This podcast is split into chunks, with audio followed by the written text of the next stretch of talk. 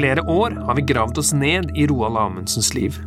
Vi har gått med forstørrelsesglass rundt i hans hjem på Svartskog, vi har stått med hvite hansker i arkiver rundt omkring i verden, vært hjemme hos familier og slektninger, alt for å forsøke å finne brikker i Amundsens liv, og nå har vi funnet noen nye. Og vi tror at vi har kommet nærmere enn noen gang tidligere. Du hører på en podkast fra Mia museene i Akershus. Jeg heter Marit og jobber med å fortelle våre kjente og ukjente historier. Det du hører nå, det er prologen til vår andre sesong av puslespillet Amundsen. Og den blir litt annerledes. For du skal ikke få høre om ekspedisjoner, polpunkter, minusgrader eller breddegrader, for det blir neste sesong. Før vi kommer så langt, må vi nemlig forstå det som ligger til grunn for alt som skulle skje seinere. Og det starter med Amundsens DNA.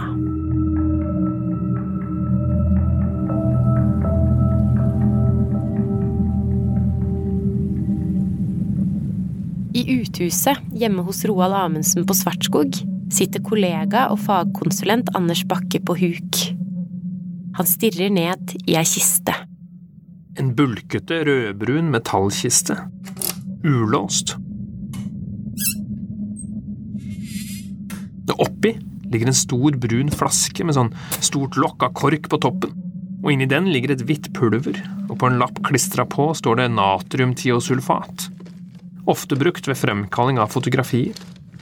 Men det er ikke flaska som først og fremst bringer oss videre, for ved siden av flaska så ligger tre tenner. En stor hvalrosstann, en hvaltann og en mennesketann. Jeg tar på meg hvite hansker, tar opp mennesketanna.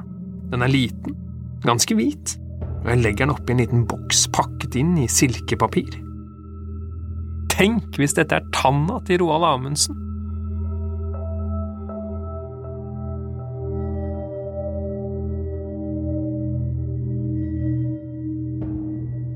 Dette er en tann sannsynligvis fra en ungdom i veldig sent tenårene eller begynnelsen av 20-årene. Denne stemmen tilhører Sigrid Kvål. Hun er førsteamanuensis emerite ved Odontologisk fakultet i Oslo. Det er en visdomstann fra høyre overkjeve. Eh, altså den aller bakerste tannen i tannrekken, som bryter frem i 18-20 års fra alder og hun har tidligere vært leder for tannlegene i ID-gruppa i Kripos, og er en av landets fremste tanneksperter. Den har ikke vært i det vi kaller okklusjon, altså den har ikke bytt imot noen annen tann, for det er ikke noe tegn til slitasje. Det er heller ikke noe tegn til misfarving. Og hun kan si mye om deg bare ved å undersøke tanna di. Eh, jeg har arbeidet veldig mye med rettsodontologi. Eh, det vil altså si identifisering for det meste av omkomne etter enkelttilfeller eller etter store ulykker. Eh, jeg har også drevet en del med aldersvurderinger basert på tenner. Sigrid Kvål sitter på kontoret sitt. I hånda har hun tanna som vi har tatt med oss fra uthuset. Hun henter frem et lite pirkeverktøy og setter på lyset. Hva kan hun fortelle oss om tanna? Fordi at de fibrene som har holdt tannen, de går helt hit opp. Så det er fra en ung person. Etter hvert som vi blir eldre, så trekker det seg tilbake. Det er heller ikke misfarvninger i noe særlig, særlig, grad som skulle tilsi at det er fra en ung person. Det er Dette er forvirrende, for Amundsen han flytta til Svartskog i voksen alder. Kan han ha spart på en tann fra ungdomsåra sine? Og hvis han ikke har gjort det, hvem sin tann er det vi sitter med da? Det er laget et hull i tyggeflaten. Og det går helt inn til nerven på tannen.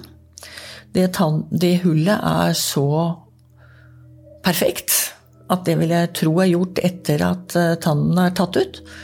Den er ikke laget pga. at det har vært hull i tannen. Eh, den må ha vært en annen grunn til det. Og jeg ettersom den går helt inn til eh, tannens kjerne, eller nerve, så vil jeg anta at det har vært brukt til å ta ut DNA av tann.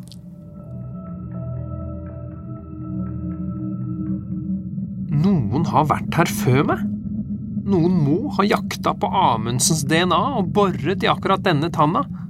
Men nå veit vi jo ikke verken hvem sin tann det er, hvem som har bora i den, eller hvor DNA-et nå befinner seg.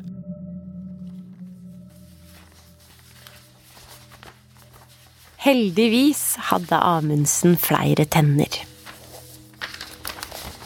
Her, ved siden av tanna i uthuset, så ligger også et røntgenbilde av noen tenner.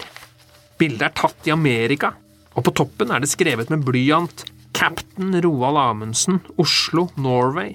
Og det er datert 7. mai 1927 er analoge bilder som ikke er eh, behandlet helt riktig. Det er derfor det er blitt litt ødelagte. Men sånn skjer veldig ofte. Rettsodontolog Sigrid Kvål studerer bildene. Kan du se det svarte området på rotspissen her? Og det er, er at det er betennelse i Og da er nerven død, sånn som vi snakket om, og at kunne ha gjort en rotfylling. Eh, det gjorde man ikke veldig mye på den tiden, så man trakk dem ut istedenfor. Og det er sannsynligvis at han har hatt store, eh, store karishull her som har gått nesten inn til nerven, og så har nerven dødd etter hvert, og så blir det en betennelse på rotspissen.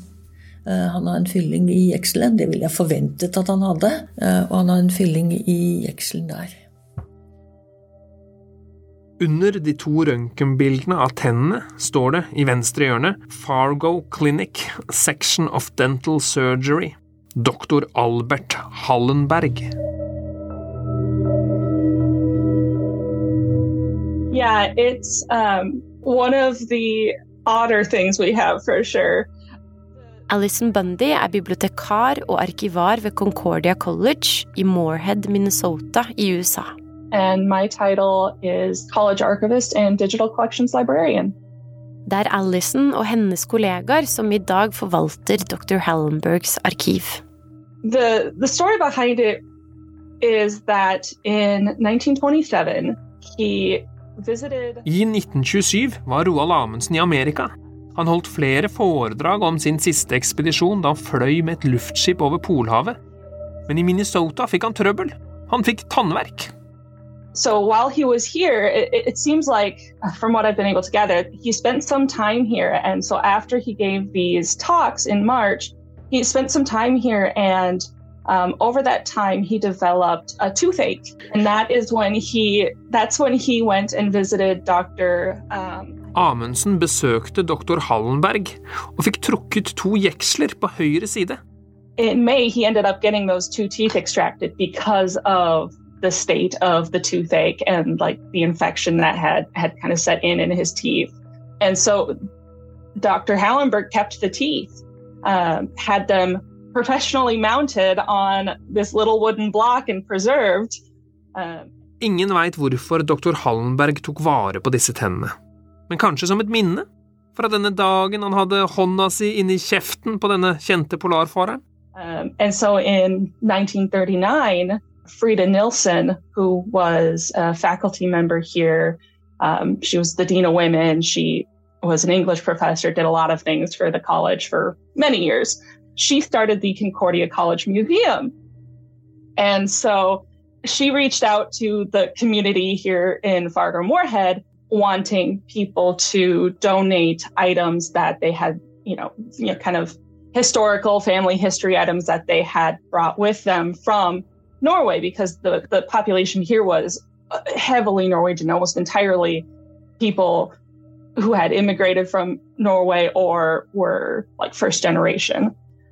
So, in this call to get items for the Concordia Museum, Dr. Hallenberg donated the teeth. And so they were with the Concordia Museum since 1939 and then eventually incorporated into the archival collection once the archives was established in the 80s.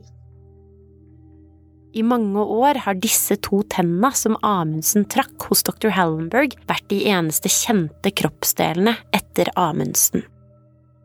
Men i nyere tid så har det dukka opp flere kroppslige deler.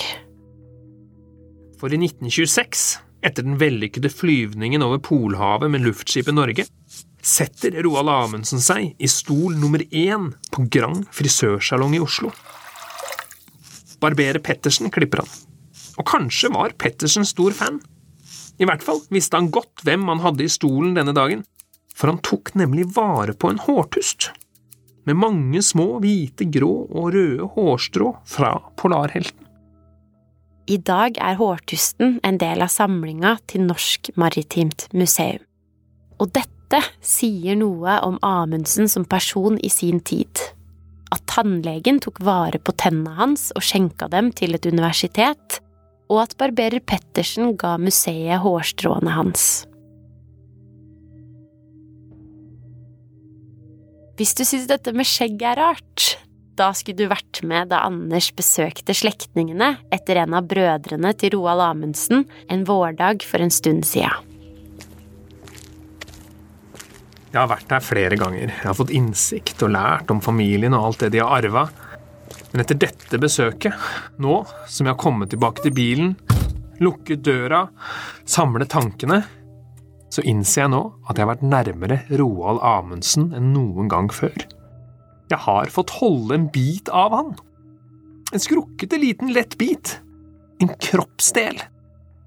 Den veide nesten ingenting, men i Amundsens liv så har den veid tungt. Dette har vært begynnelsen. Den var pakket inn i papir, og på papiret hadde noen skrevet med blyant Roalds navle. Navlestumpen er nå utstilt ved Roald Amundsens hjem, og du kan si den har blitt en av de mer kuriøse brikkene i puslespillet Amundsen. Til nå er det den siste kroppsdelen vi har funnet, men det kan dukke opp flere i fremtida. I mellomtida må vi fokusere på andre brikker for å komme nærmere Amundsens DNA. Menneskene rundt han. De som var med på å skape både polarhelten Amundsen og privatpersonen Roald. Og det er derfor vi skal fortelle flere historier om mange mennesker i denne sesongen av puslespillet Amundsen. Om mennesker som fungerte som støttehjul i livet hans, som bakkemannskap, som bremseklosser og gasspedaler. For Roald Amundsen hadde mange roller, og det finnes ikke bare én fortelling.